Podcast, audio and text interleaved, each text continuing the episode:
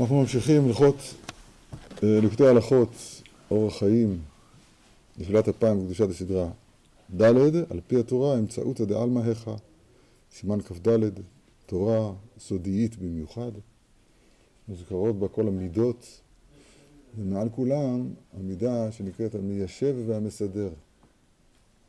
ככה הרב מגדיר את הכתר.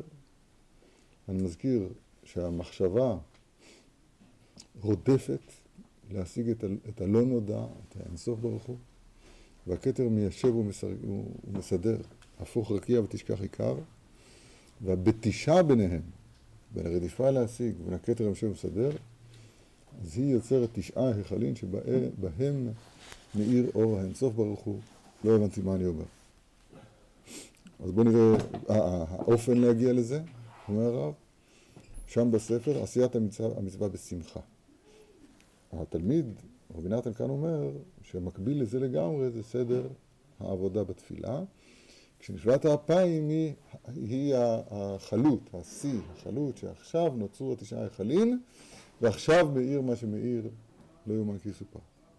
אז נקרא רק את ההקדמה, רק להיזכר מה מדובר. והכלל, שעל ידי עשיית המצווה בשמחה זוכים להעלות השכינה מהגלות. עוד נדבר בזה, קטורת. ולעלות מדרגה לדרגה מעולם לעולם עד שזוכים לעלות למעלה למעלה, למעלה למעלה, לעילה ולעילה. עד שזוכים להשיג את אור האינסוף מבחינת מטה ולא מטה, נוגע ולא נוגע, מגיע ולא מגיע. שהוא למעלה מנפש רוח ונשמה, שאם יש להם משהו של אחיזה בגבול, בפנימי. למעלה מהספירות, אין שם כל זה היטב.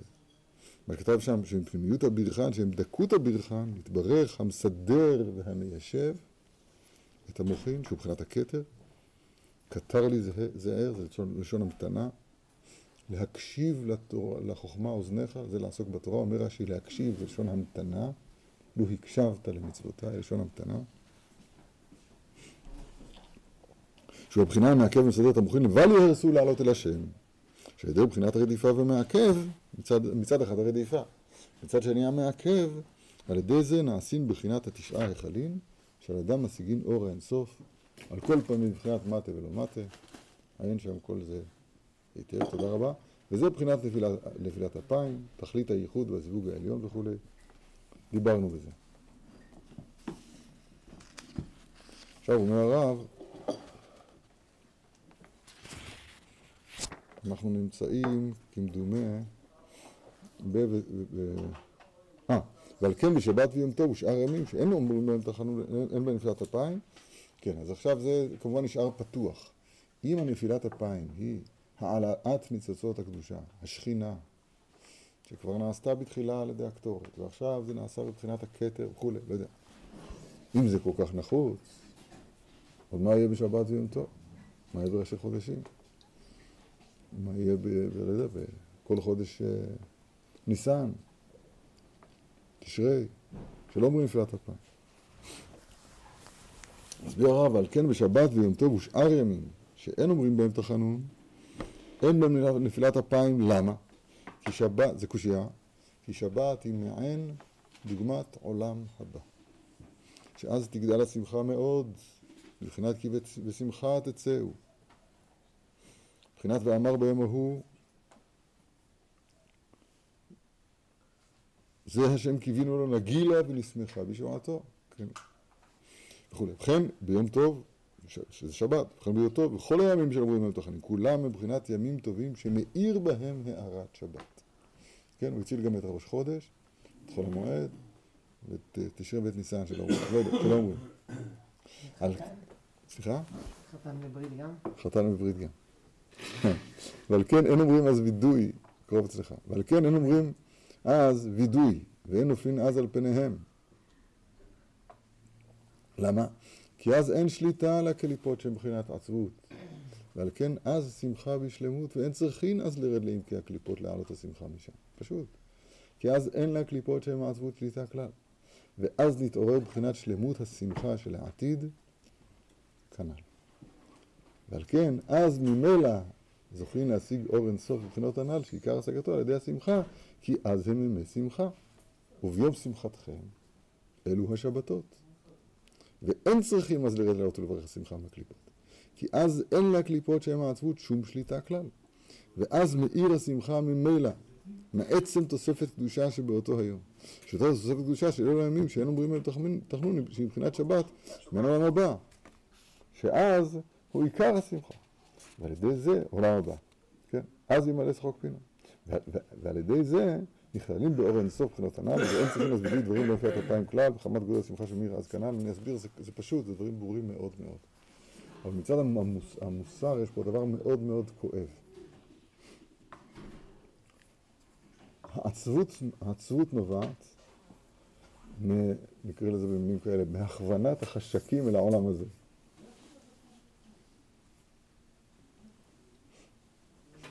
מה אמרנו בשם הגר"א? הוא מושל ברוחו מלוך העיר. אומר הגר"א, טוב ערך אפיים מגיבור. אז זה כנגד את הכעסני צריך לחסל. לחסל. אונבס. מכה אחת, זהו. לא כועסים יותר. לא, אין משחקים איתו. עם התאווה זה לא טוב, אסור להרוג את התאווה. תאווה, שישראל אוכלים ושותים בשבתות וימים טובים, אז פותחים בדברי, תורה של תשבחות. תהרוג את התאווה, אז ביטלת את זה. הקדוש, שמביאים לו יין, שמנסחים אותו על גבי המזבח, אז כאילו מנסחים יין על גבי המזבח, אז הוא מביא לו יין טוב, לא מבין לו בחילה אבינו, לא מבינים לו דברים ב-14 שקל. מביאים לו בקבוק בקבוק. הוא נהנה, נהנה ממנו, הוא לא שותה אותו בזונדה. או, IV, לווריד. אתה קדוש, מה אתה נהנה? התשובה היא, התאווה, היא צריכה להישאר, היא צריכה להישאר חיה. ההשתוקקות של הגוף, כמה לך בשרי, צמאה לך נפשי. כמה לך בשרי, הבשר משתוקק. אז השתוקקות הבשר הזאת, אז כשהיא הולכת כלפי העולם הזה ותאוותיו, אז היא, היא סיבת העצבות, כמו שכתוב כאן. היא, למה? כי התאווה הזאת, כשהיא כלפי מעלה, היא-היא השמחה. אבל אם תבזבז את התאווה הזאת כלפי העולם הזה ותענוגיו, הוא-הוא ביטול השמחה שזו, שזו העצבות בעצמה. אני מתכוון שאתה לא משיג את מה שהתאווה של העולם הזה שאתה רוצה, אז אתה נופל לעצמך. לא, אתה משיג. אתה משיג אותו, אתה עצוב. כן. כן. עוד פעם, מה זה עצוב? יש לצחוק אמרתי מהולל, ולשמחה מה זה עושה.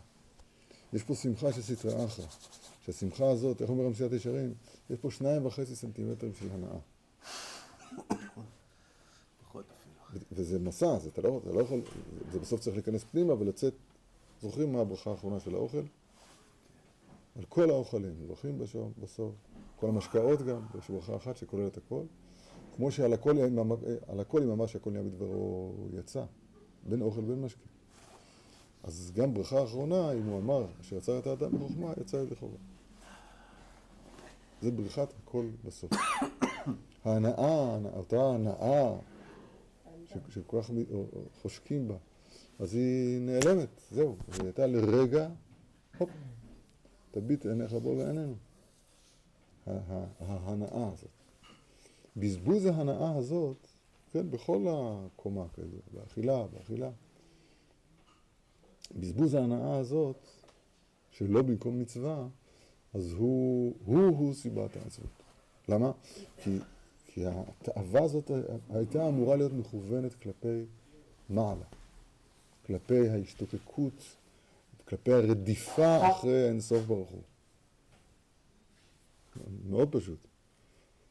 עכשיו, אז לכן בימי חול, שבהם אין פה שמחה בעולם מצד צורת היום, אין לך טעם כמו שאמרת, אז כאן, אז כאן צריך ל- ל- לעשות את קידום הקטורת, נפילת אפיים, תחנון, וידוי בסדר א'-ב', להחזיר את, את, את, את הנפול למקומו העליון, ואז לזכות לשמחה.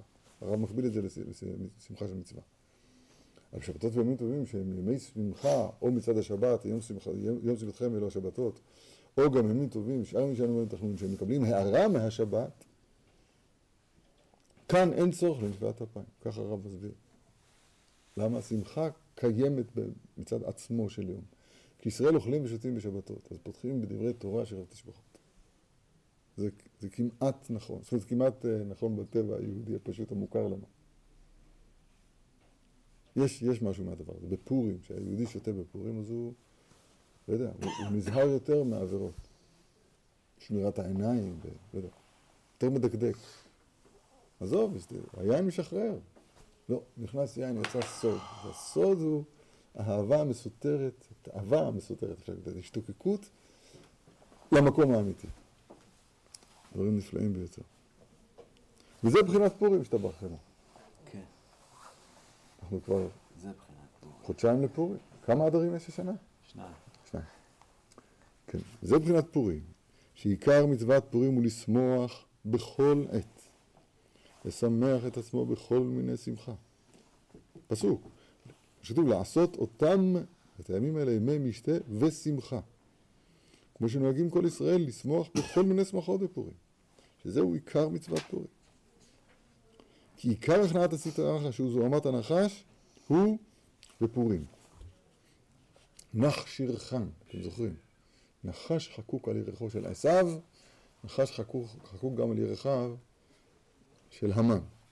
כתוב במדרש. כי אז מכניעים קליפת המן המלק, שהוא- שהוא עיקר זוהמת הנחש שנמשך על ידי חצץ הדעת. שמשם אחיזת המן הרשע, יימח שמו. כמו שאמרו, זכרו לברכה, המן מן התורה מנין, שנאמר המין העץ, אשר ציוויתיך לפתיח כל ממנו אכלת, המן המין. רמז. זאת אומרת, נמצא שהמן הרשע יימח שמו, הוא בחינת- היא בחינת פגם עץ הדעת טוב ורע, שעל ידי זה נמשך זוהמת הנחש. ועיקר זוהמת המן וזוהמת הנחש היא בחינת עצבות ומרה שחורה שמתגברים בכל עת על ישראל ואינם מניחים אותו לשמוח. כי עיקר סטרא אחרא הוא עצבות כנ"ל, שזה נמשך מפגם עץ הדעת בחינת בעיצבון תאכלנה שנגזר אז. מבחינת ויתעצב לליבו הנאמר בדור המבול, שכל זה נמשך על ידי פגם עץ הדעת כידוע. אני אזכיר, פגם עץ הדעת, נזכיר דברים פשוטים באמת כל כך ברורים. אדם חייב שזה יהיה מסודר היטב בראש. הפגם הזה של עץ הדעת נתבטל מן העולם ביום חתונתו, ביום שמחת ליבו, במעמד הר סיני. נתבטל. פסקה זוהמתה. הנחש הסיעני. זוכרים? זה סודי מאוד מאוד מאוד. מה קרה? התאווה, התשוקה, ההשתוקקות אל האמת, הוחלפה בהשתוקקות אל השקר. זה היה פה זיהוי כוזב של שקר, פייק, דמיון. והיה פה אחר כך התלכדות עם השקר, בר מינן הטיל בזוהמה. זה חטא עץ הדעת. חטא עץ הדעת. החטא הזה מאז חוזר על עצמו, וכל עבודתנו, כל עבודתנו לתקן את אותו חטא. זה העצבות בעצמה, בעיצבון תאכלנה. זוכרים, עצוב זה כשאדם, הדבר מוגבל בתוך ממדיו שלו. שמח זה שהטפח הטפח שמח. המידה מתרחבת אל מחוץ לעצמה. זה כל הסיפור כולו. איזה יופי, איזה, איזה, איזה, איזה תורה, פלא פלאות פלאי. כי עיקר הקדושה הוא שמחה, דהיינו לשמוח בהשם יתברך. כי מי שיש לו אמונה שלמה בהשם יתברך, בוודאי ראוי לו לשמוח תמיד בהשם יתברך. וזה הדבר אי אפשר לבאר בכתב, כי הוא לכל חד כפו מד עם שער בליבה, נודע בשערים בעלה. מבואר בדברינו מזה כמה פעמים. והמן ועמלק, שהם מבחינת המחקרים והכופרים, שמהם נמשך עיקר העצבות והמרה השחורה. כופרים זה כופרים, זה, זה חס, הפך האמונה זה כפירה. מחקרים, זאת אומרת, זה מדובר פה בחקירה השלילית, כן? כי יש גם אף, אף חקרה, יש גם. הפסוק אומר, אז ראה ואספרה, הבינה ואף חקרה, נדמה לי ואף חקרה כתוב, כן? אף? וגם חקרה. זאת אומרת, זה פסוק באיוב שאומר לומדים איך, איך ניגשים אל התורה. ניגשים לתורה קודם כל באז ראה, ראה, ויספרה, הבינה ואף חקרה. אחרי שקיבלת את התורה בראייה, כל, כל העם רואים את הקולות. יש בזה הרבה פרטים, אני לא רוצה להרחיב עכשיו שלא כעניין. החקירה שאחרי שאתה בפנים, היא החקירה דקדושה. אבל המחקרים, המחקרים עומדים תמיד מבחוץ. הם עומדים מבחוץ ומתחילים בחקירה. ומסתכלים על הדבר, על העולם פילוסופית.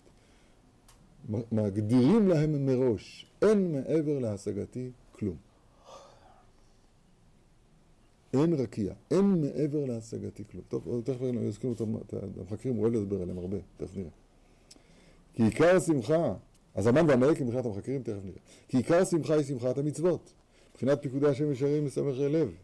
ומי שמאמין בהשם יתברך בתורתו הקדושה בתמימות ובפשיטות, כמו שכל ישראל מאמינים, בוודאי אין שמחה בעולם כמו שמחת עשיית המצוות. השם מזכה אותנו. שאנו זוכים לעשות נחת רוח ליוצרנו ובוראנו יתברך. ואנו קונים לנו חיי, חיי, חיי העולם לעולמי העולמים נצח נצחים על ידי חוטי ציצית שקונים אותו בעד גדול אחד, שם של מטבע. זה מאוד מקביל. בדברי הגר"א אומרים שהדברים האחרונים שלו היה, של, של, ה- של הגר"א, כשהלך מן העולם. אז הוא אמר, אני, אני עוזב עולם, הוא בכה. אני עוזב עולם שאפשר להוציא גדול אחד, כאן כתוב. פרוטה, אתה לקנות ציצית, שהיא כלי להשגת נצח. הגר"א, שנדמה לי שהוא, שהוא ביטל שש דקות תורה בשנה, משהו כזה. כל החיים. כל החיים. שש דקות uh, תורה. אני חושב שאני למדתי שש דקות תורה. אבל תראו, זה אותם מילים. על ידי חוטי הציצית. כלום, מה זה? צמר של כבש. שקונים אותם בעד גדול אחד, והנכללים על ידי זה באור האינסוף. היש שמחה גדולה מזו? כי זה כל אדם יכול להבין, שבעולם הזה אין שום שמחה בעולם. כי מה יתרון לאדם בכל עמלו שיעמוד תחת השמש? ואם יצבור כעפר כסף וזהב, סוף כל סוף, מה יתרון לו בכל זה? כי לא במותו ייקח הכל. והכל יודעים שסוף אדם למות, וימינו כצל עובר. ומי שיש לו רק איזו רשימה בעלמא של שכל אמיתי, אפס, קצת, אפילו נוכרי, יכול להבין שאין שום שמחה בזה העולם כלל, כי אחריתה מה, לא יכול להיות. אחרית שמחה תוגה. מה זה אחריתה? לא יודע. ועל זה נאמר, ולשמחה מה זו עושה, ולצחוק אמרתי מהולה, על שמחה מה זו עושה. צריך לבדוק פה שם במשלי, מי תבדוק רגע את הפסוק הזה. אחריתה שמחה תוגה, טוב. אבל המשמעות פשוטה מאוד. על כן, אלו המחקרים והכופרים, אין להם שום שמחה אמיתית כלל, והכרת פניהם עלתה בם, שעל פי רוב הם מלאים עצבות, יגון והנחה. פשוט כי מהיכן יקבלו חיות ושמחה אמיתית, מאחר שכופרים בתורתו הקדושה ובעשיית מצוותיו יתברך. ובודים מליבם טעמים של הבל ושטות על עשיית המצוות הקדושים. הוא לא מדבר על חוקרים, על מדענים, תשמעו מה הוא מדבר. הוא מדבר על פילוסופים כן. אצלנו. חריטה? כן. בסדר. גם בשחוק יכאב לב, ואחריתה שמחת תוגה.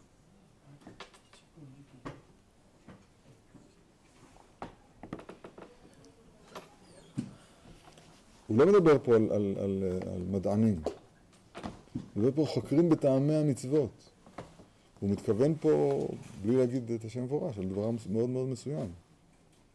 כי מהיכן יקבלו חיות בשמחה אמיתית, מאחר שכופרים בתורתו ועשיית מצוותיו יתברך. לא, חס ושלום, זה לא נאמר עליו. ובודים מליבם טעמים של הבל ושטות על עשיית המצוות הקדושים. וכפאו, לשון, לשון חיפוי, לשון טיוח, וכפאו על השם ועל תורת משה דברים אשר לא כן, אשר בדו מליבם. כאילו חס ושלום כל טעמי המצוות הקדושים הם נימוסיות, נימוסיות חס ושלום. של תיקון העולם, תיקון המדינה חס ושלום. אוי להם ואוי לנפשם, טיפח רוחם ונשמתם, כי אין כפירה גדולה מזה. סתם מצד הכף זכות, שהיא פשוטה מאוד וברורה לכל, לכל מעיין ומבין, וגם הרב כמובן מבין את זה. שאותם חכמים אמיתיים של כלל ישראל, שנתנו טעמים למצוות על דרך הפשט, לא התכוונו לשלול, לשלול את, ה, את, את, את נשמת המצוות. אלא הם הבינו, אולי גם על זה יש לחלוק, אבל הם הבינו שמוטל עלינו להבין את טעמי המצוות גם בפשוטיהן. אתה מבין מה ש- זה מה שאמרת- מה שאמרתי עכשיו? קשה לי להעריך בזה, זה, זה כואב עליי קצת. ולדבריהם הרעים והזרים והמרים והמטונפים, זה, זה, יש פה כעס קצת, לא? בוודאי נשמח בשום מצווה חס ושלום, מאחר שתכלית המצווה בשביל תיקון זה העולם. ואם בגוף העשירות והממון ושאר חפצי העולם אין שום שמחה אמיתית, כי אחריתו מרק על הענה כנ"ל. כמו שאמרנו מקודם, שאפילו מי שיש לו כמה קורטוב של שכל, כמה יש לו? רשימה בעם של שכל אמיתי. אפילו נוכרי מבין שאין שמחה בעולם הזה כלל. וכל שכן איך ישמח מהמצווה, שהיא רק בשביל קיום נימוס המדינה, חס ושלום. לפי דעתם הרעה והמשובשת. ואיך ישמח במצוות סוכה, מאחר שאומר עליו טעם של שטות כזה. טוב, זה כמובן, זה לא חס ושלום, לא כתוב שם בספר. שאז טוב לשב באוויר כזה.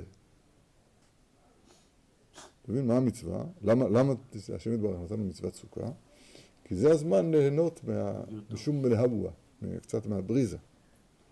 והוא בעצמו יודע שזה שטות, כי על פי פשוטו בוודאי אז טוב יותר לשבת בביתו מלשב בסוכה. אם יושב יוצא בצל, יעשה לו אוהל של פשתן כדרך השרים, ולא פוס, לא סוכה עשויה, עשויה כדינו של סככה מפסולת יגורם ויקב דווקא. לכן שאר המצוות. ואין צריכים לחזור לסתור שטותים ושקרים ודברים בדויים כאלה. הרב מאוד מאוד כועס. הוא אומר, זה, זה הכל בעניינים שהם, שהם, שהם מעורערים מעצמם, בלי שאני אערער אותם. שהם הם עיקר אפיקורסות והכפירות, שכופרים בתורת משה לגמרי, ומחפין השקר שלהם בשטותים כאלה. כאילו כאילו מתרצים דברי משה רבנו עליו השלום, נותנים טעם לדבריו, טעמים מרים וסרוכים שכאלה. אם יש טעם בריר חלמות, מה זה פסוק באיוב? ושטותים כאלה. בפרט, בסדר, זה מחאה, עוד פעם, קשה לדבר על זה. אבל זו מחאה גלויה, מפורשת, כנגד מגמה שהייתה בכלל ישראל. להבין את, ה, את מערכת המצוות כולם, כל התרי"ג, שהיא מסתכמת בטעמים אנושיים, של תיקון המדינה, של תיקון הבן אדם חברו, זה, זה, נימוס, זה קורא לזה נימוסיות. ומכאן אפשר להבין חלילה שאין טעמים עליונים, אין פה שם ישמור ויציל. ושטותי בפרט אתה, שכבר זכינו לספרי הזוהר הקדוש, ספרי האריזה, שמבואר בהם שכל מצווה ומצווה מרמז דברים גבוהים ועליונים מאוד מאוד עד אינסוף ואין תכלית.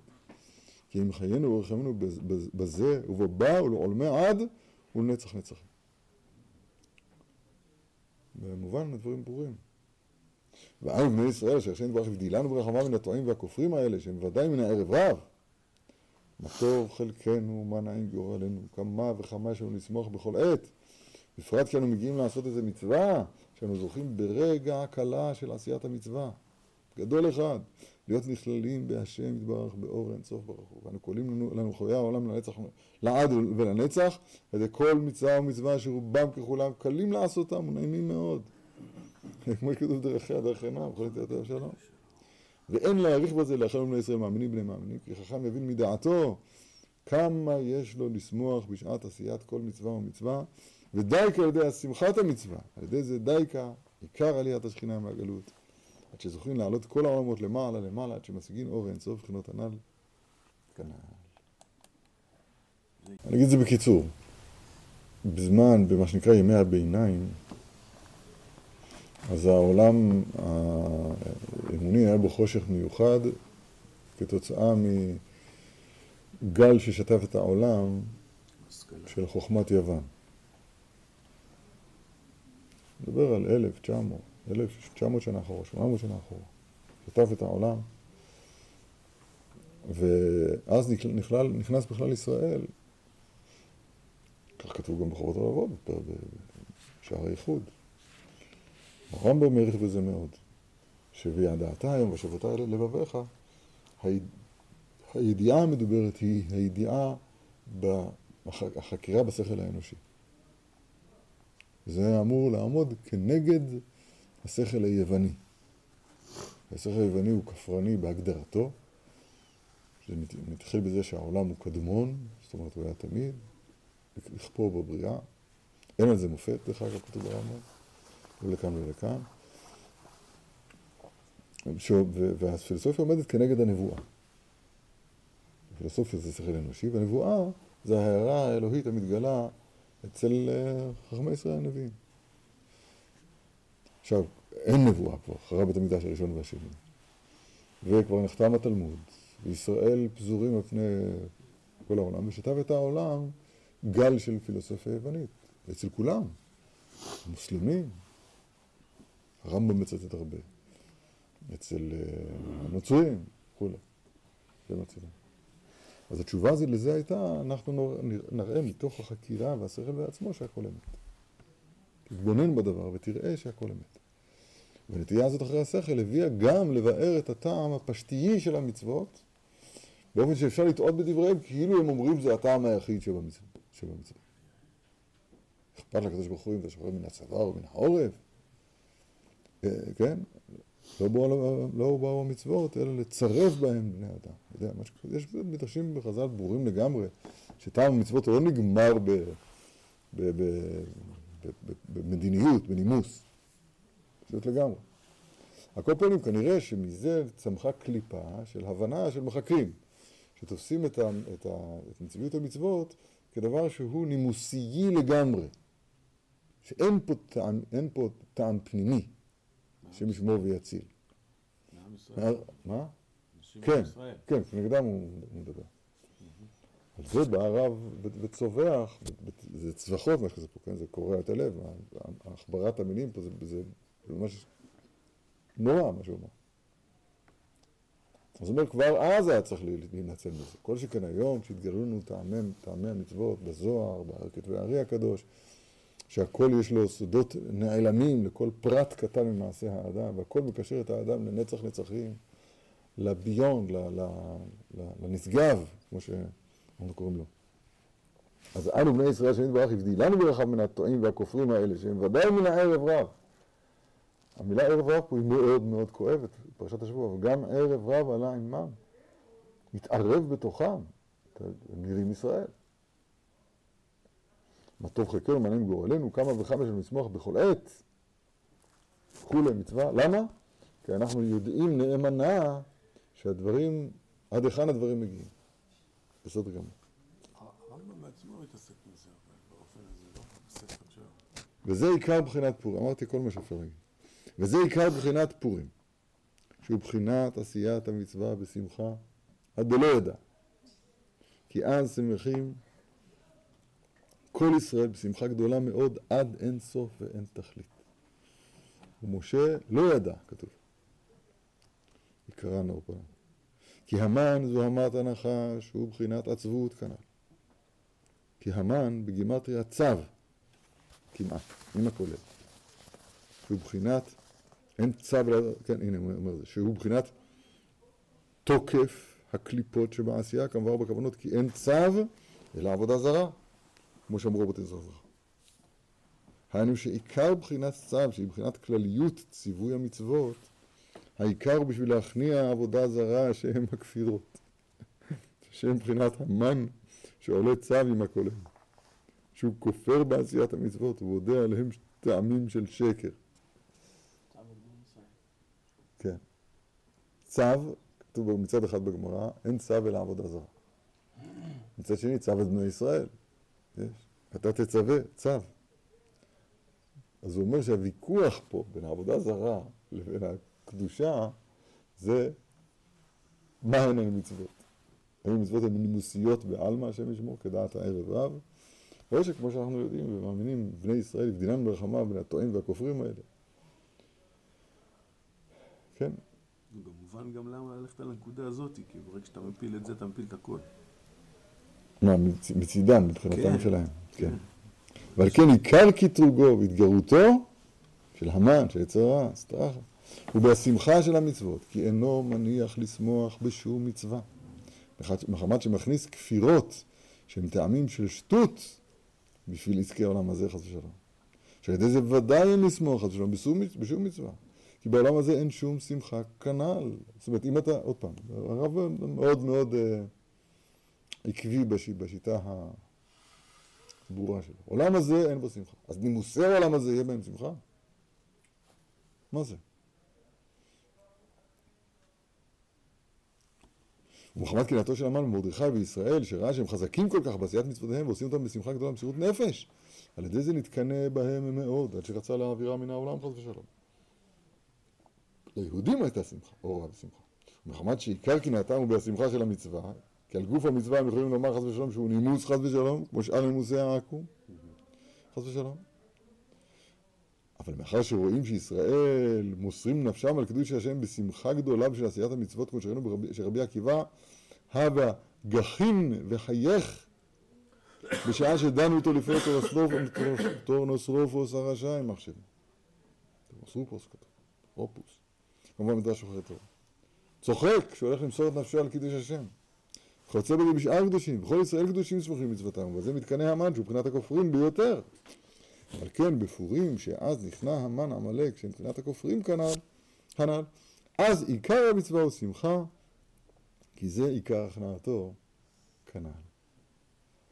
הפסקה, והיה, אין והיה אלא לשון שמחה. ויהי, לשון צער. ויהי, ויהי, ויהי בימי. אבל היה והיה לשון שמחה. איפה הייתה השמחה בפורים שלו? באיזה נקודה?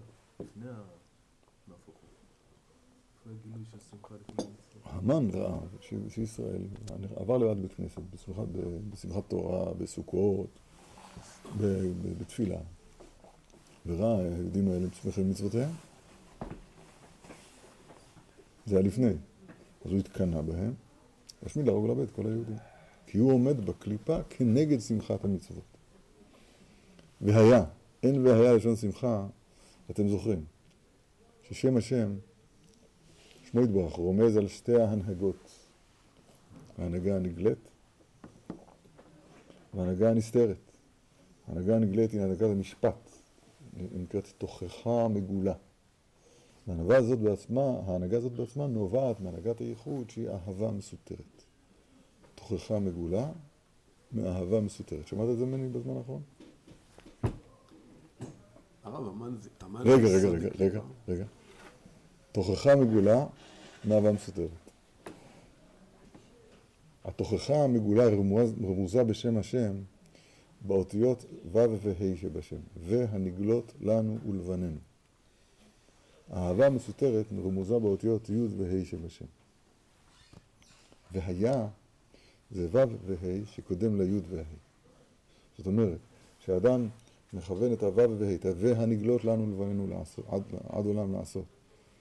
כשהוא מחבר, הוא מחבר, מחבר את זה אל, ש, אל הנשגב, אל הענני במרחביה, זאת הגדרת השמחה בדיוק.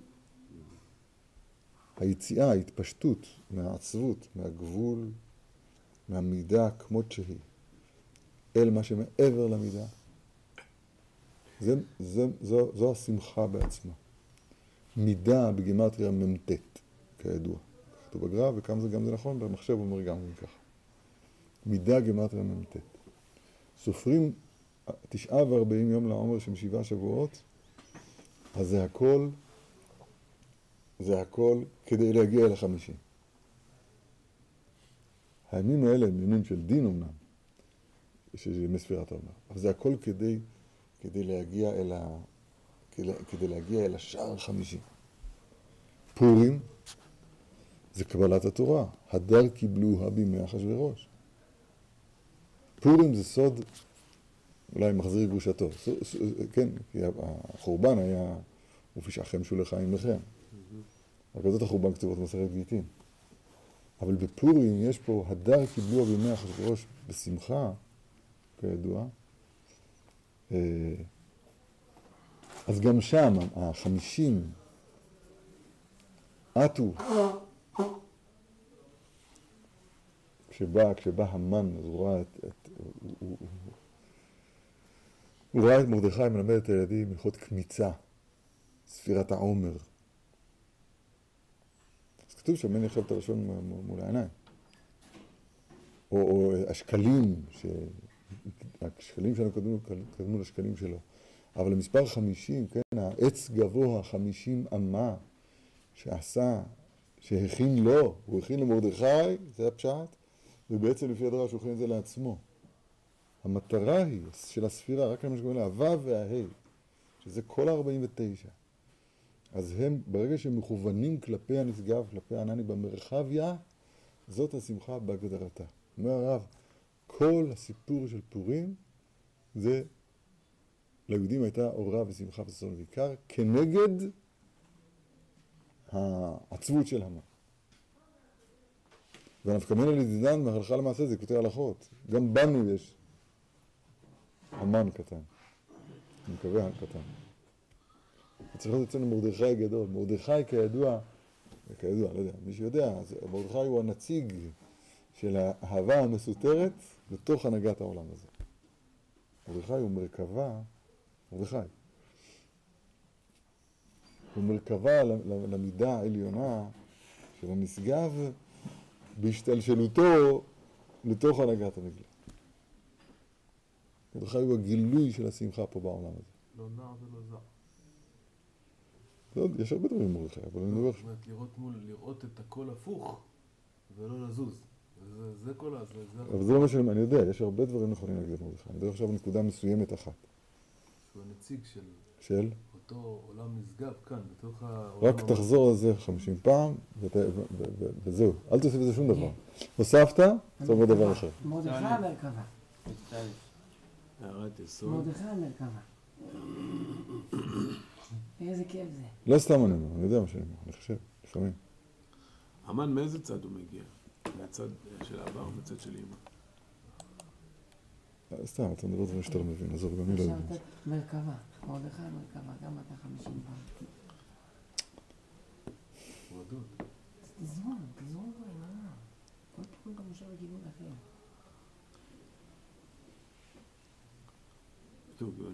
כן אה. כן, אבל אל ת... אתה לא יכול, אתה לא יכול, בדברים האלה, בדברים האלה, אסור לתת ל- לכוח המדמה לעבוד. אסור.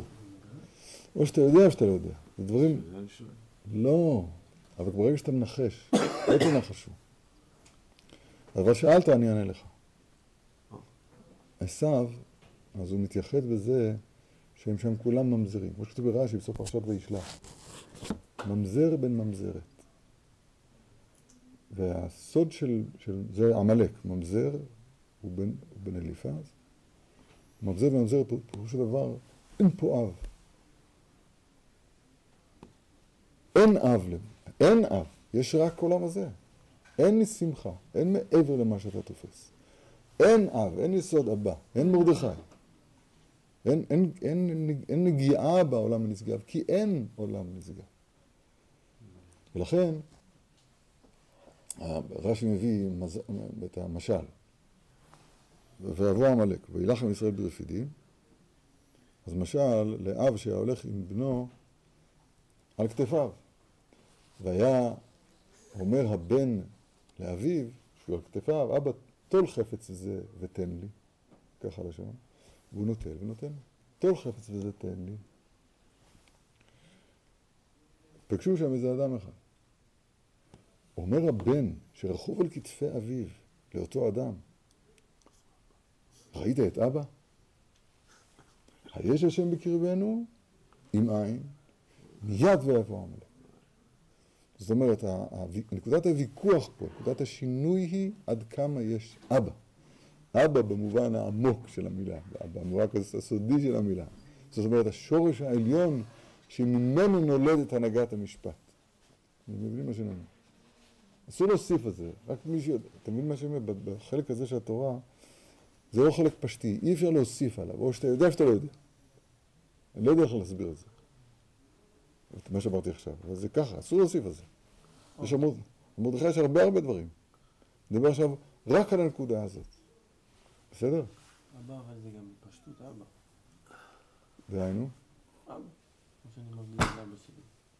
אבא. כלפי, כלפי, אבל לא על זה אנחנו מדברים. אז זו ההגדרה של המן. כן, ממזר וממזרת. אתה מבין? זה, זה, זה נכון. זה הרגשה אמיתית. רגע, ש- עכשיו אני, עכשיו אני... לא כל אחד, לא, אותך אי אפשר לסיים. עכשיו אני אסיים איתו אבל. אתה מוכן?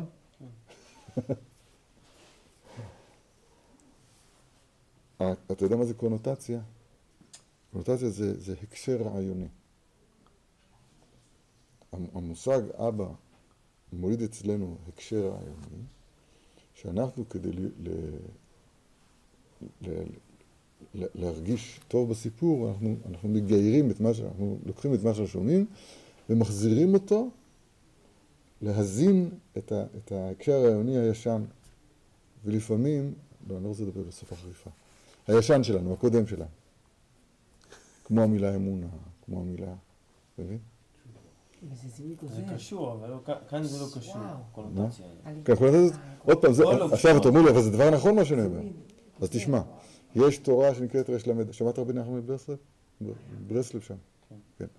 אז יש תורה שנקראת רש ל"ד. מה כתוב שם, אמיר?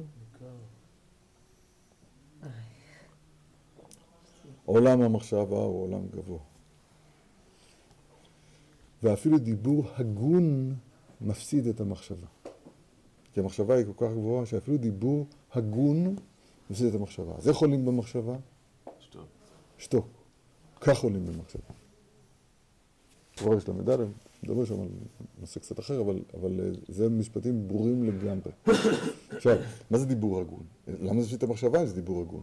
התשובה היא כי הדיבור ההגון נוגע מההקשרים הרע- הרעיוניים שאני כבר, שאני כבר מכיר, והמחשבה היא תמיד יותר גבוהה ממה שאני יכול לדעת. אתה מבין? אז כדאי, אם רוצים לשמוע את הדבר הזה, אני לא, אין לי שום דבר נגד הדברים ההגונים. ואפשר, אפשר, ואני יכול אולי בעצמי לפעמים לדרוש ולפתח אותם ול- ולהטיף להם. אבל עכשיו מדברים על זה. כשמדברים על זה, אז אני צריך להתרגז. כל פעם שלוקחים את זה קצת הצידה, אז אני ממלא את תפקידי, לזרוק מראה בתלמידים, רק להקשיב לנקודה הזאת. הנקודה הזאת, אי אפשר להוסיף עליה אם לא יודעים. ואפשר להוסיף עליה רק, רק מהדבר בעצמו. אני, למשל, עכשיו, מי אני, מי אני שאני אקח, אבל למשל, אם היית אומר את מה שאומר לך עכשיו תשמע, כתוב ככה, כתוב, במסכת מגילה כתוב ככה. איש יהודי היה בשנה ברירה, ושמו מרדכי, בן יאיר, בן שמעי, בן קיש, איש ימני. אז כתוב, בילקוט שמעוני כתוב על זה ככה. בן יאיר, שהאיר עיני ישראל בתפילתו. יאיר, האיר. בן שמעי, ששמע אל תפילתו. שמעי, שמע. בן קיש, שהקיש על שערי הרחמים ופתחו לו. איזה דרשה יפה, נכון? אותה דרשה ממש מופיעה בש"ס, בגמרא שלנו הבבלית. שם יש תוספת אחת, מיותרת לחלוטין. במקום להגיד בן יאיר שהאיר עיני ישראל בתפילתו, כתוב בגמרא, בן שהאיר עיני ישראל בתפילתו. בן שש- ששמע אל תפילתו. בן שהקיש על שערי רחמים ופתחו לו. המילה בן מיותרת, היא לא חלק מהדרוש. הדרוש הוא יאיר, שמעי, קיש. האיר עיניהם, שמע אל, הקיש אשר רחמים. למה הש"ס שלנו מנדנד ודורש גם את המילה בן, שאין בה כלום, אין בה שום משמעות לעיקר הדרשה. לכן אני מעדיף את הנוסחה, סתם, אני מדבר ב... של, של הלקוט שמעוני. הבנתם את הדקדוק? הבנת את ההבדל בין שתי נוסחאות? כן. אבל למה להגיד את המילה בן? כי לא, כשאין לה שום דבר לדרשה. אתה מסביר את המילה יאיר. היה יותר נכון גם בפסוק להגיד ככה, ושמו מרדכי, היאירי, השמעי, הקישי. ולא בן יאיר בן שמעי בן קיש. המילה בן היא לא חלק מהדרשה. עכשיו הבנת.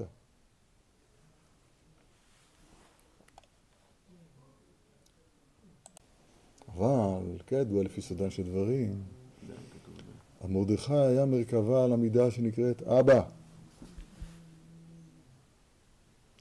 ואבא הוא כינוי לנשגב, לאהבה המסותרת.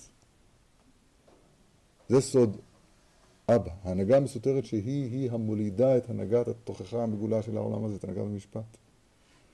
והיא-היא השתלשלות השמחה מהנשגב אל הגבולי, זה עצמו מרדכי. בסדר? אז חז"ל רומזים את זה בזה שמכניסים גם את הבן להיות חלק מהדרשה. בן שהאיר עיני ישראל בתפילתו. לא שייך להאיר עיני ישראל בתפילתו אם לא, אם אין פה, אם אין פה אבא. לא שייך ששמע אל תפילתו אם אין פה אבא. לא שייך ש- ש- שהקיש אשר רחמים, על, אשר רחמים יפתחו לו, אם אין אבא. רבנו הארי אומר, עכשיו תשים לב, אני, אני, נכון, זה חידוש שלי. סתם אני מדגים לך איך, מה, איך מותר לחדש. אני לא אומר דבר שאני יודע. אני פעם ראיתי את הגמרא הזאת, הסתכלתי בלקוט שמעוני, ראיתי את זה, אמרתי, יואו, אני לא מאמין. זה מה שרבנו אריה אומר. שמרדכי ומרכבה למידה שנקראת אבא. כי איפה זה כתוב בגמרא שלנו? בבן. עכשיו, לא אמרתי משהו מעצמי, רק השלמתי את הדבר לפי מה שהוא. עכשיו, אם, אתה, אם, אם כבר נכנסנו לזה, אני לא התכוונתי להיכנס לזה, אבל אם כבר נכנסנו לזה, וכשהמת... במשנה כתוב ככה, וכשאתם מתפללים, דעו לפני מי אתם מתפללים. וכשאתם מתפללים, דעו לפני מי אתם מתפללים. פירוש הפשוט, מוסר. אל תעמוד ותסתובב את הראש כל הכיוונים ותגיד כמה מילים. אלא, כוון את דעתך, אתה עומד לפני מי שאמר, מי שאמר ויה העולם. פירוש נכון או לא פירוש נכון? זה אבא שלהם נכון, זה, אין, אין יותר נכון מזה. מוסיף רבנו הארי, בסודותיו, לפני מי אתם מתפללים, הוא אומר ככה, מי זו מידה עליונה, שהיא הנס... פניית הנשגב אלינו כבר בפועל, מה שנקרא, המידה שנקראת בינה. לפני מי, זה נקרא המידה שנקראת אבא, חוכמה. אב בחוכמה. כשאתם מתפללים, דעו לפני מי התפללים. שלושת הלשונות האלה, האיר עיני ישראל בתפילתו. שמע אל תפילתו. הקיש על שערי רחמים ופתחו לו. שלושת המילים האלה, הן מדברות על תפילה. תפילה הוא-הוא הקשר בין ביני הגבולי לבין הנשגב. זה עמידה מול הנשגב. נשגב ונסתר, לא נגיד. מה? אין נשגב. נשגב ונסתר. נשגב אותו ונסתר, כן. זה, זה, לא, גם מה, גם...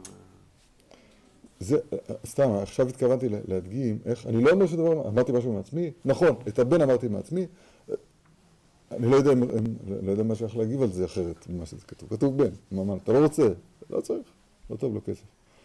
אבל אין לי שום, משתדל שלא יהיו שום קונוטציה, שום הקשרים רעיוניים שלי, ישנים נקרא לזה, אני אדבר על עצמי, ילדותיים, שאני, שאני אומר, אה, זה הדבר הזה, זה הדבר שאני כבר מכיר אותו, רק אתה אומר אותו במילים יותר יפות. לא, זה חדש.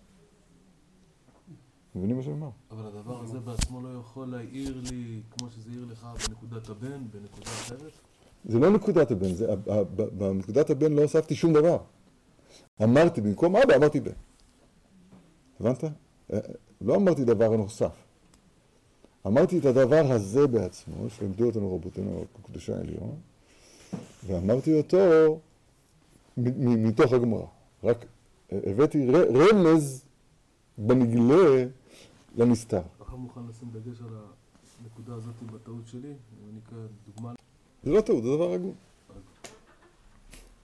אתה מבין שהתכוונתי עכשיו להעליב אותך.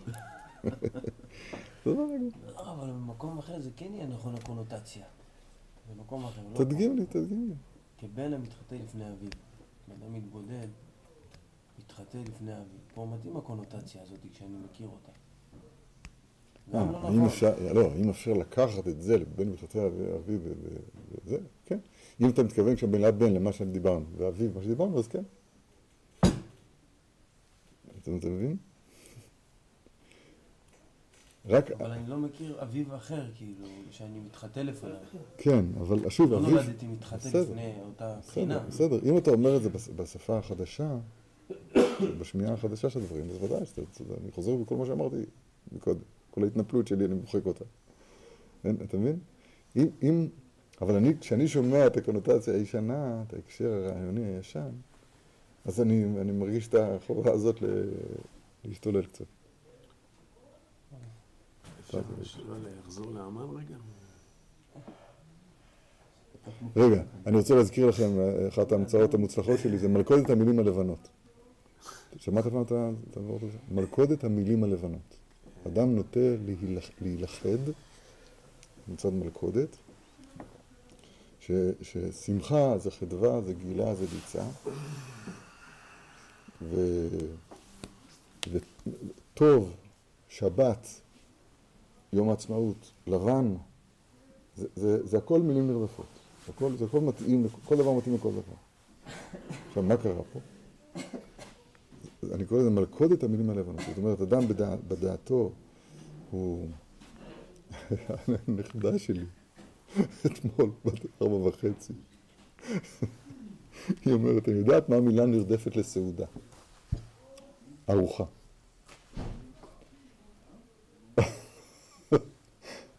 אחרי כן נתנת עוד, עוד שלוש דוגמאות, יש לה גננת עילוי כנראה, שמטפטפת להם דברי חוכמה, לא הבנתי. עכשיו הקטנטנה הזאת, מה היא? כלום, היא לא... בוא בוא בוא בוא בוא. פתאום אומרת דברי חוכמה. אז מילים נרדפות, יש לפעמים משתמשים במושג הזה מילים נרדפות, אבל סוף סוף זאת המילה הזאת, זאת המילה הזאת.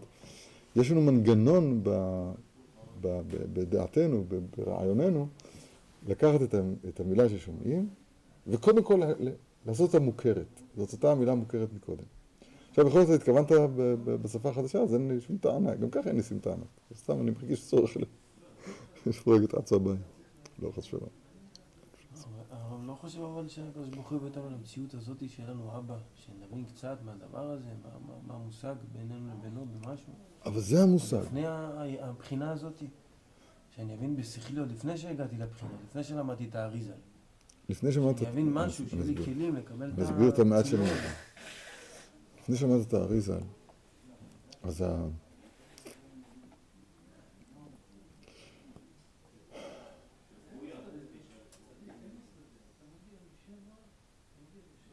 יש פה נקודת, נקודת היפוך שלפי דעתי צריך, צריך, דעתי צריך מאוד מאוד להתבונן בה. התפיסה, נקרא לזה הישנה של, של אבא, הוא, יש פה מישהו שיכול לסדר אותי. להפעיל פרוטקציות אצל השלטון, לסדר לי, לעזור לי עם משכנתה, אה, עם דירה. יש לי על מי לסמוך. זה הכל מילים טובות, מילים לבנות. אבל יש לי על מי לסמוך. גם אני רוצה שהוא יחיה ויארך ימים, כי אחרת מי יעזור לי? שהוא יחיה ימים. אני הטמנתי בתוך דבריי את זה שאפשר ליפול פה בתפיסת הקיום הנפרד שלי כדבר העיקרי. בתפיסת האבא או מי שיכול לעזור ככלי מוצלח מאוד להצלחתי. והתפיסה הזאת היא תפיסה קטנה. אני לא רוצה לפסול, אבל זו תפיסה קטנה. התפיסה הגדולה היא שבאמת מה שאני רוצה זה שיכירו וידעו כל השווה תבל כי לך תכרע או ברך שבע כל השם. זה בתפיסת האבא הקטנה, אה, נקרא לזה דהוי, כהה, אה, מינורי, לא, לא, אם קיים בכלל. לפי תפיסת האבא הגדולה, אז, אז מלחמה לשם בעמלק מדור דור, יד על כס יה. אז התכלית היא שיהיה השם שלהם והכיסא שלהם. ואנחנו? ואנחנו עמך וצאן מרעיתך, ישראל שבך את פער, זה אנחנו. אתה מבין? תראה, פתאום הולך לדבר בפסוקים, במילים גבוהות. כי, כי השינוי התודעתי בין, הק, בין הקטנות לגדלות הוא בנקודה הזאת. אתה תבין מה שאני אומר או לא? לא, תתווכח, אין דבר. איך אפשר להביא, לעזור קצת, איך אפשר להביא אדם... כשעשו, כשהמלאך של עשו אומר שלחני כי עלה השחר. שלחני כי עלה השחר. נו, אז מה עלה השחר? מאיזה סיבה לשלח אותך? אומר רש"י בשם חז"ל, הגיע זמני לומר שירה.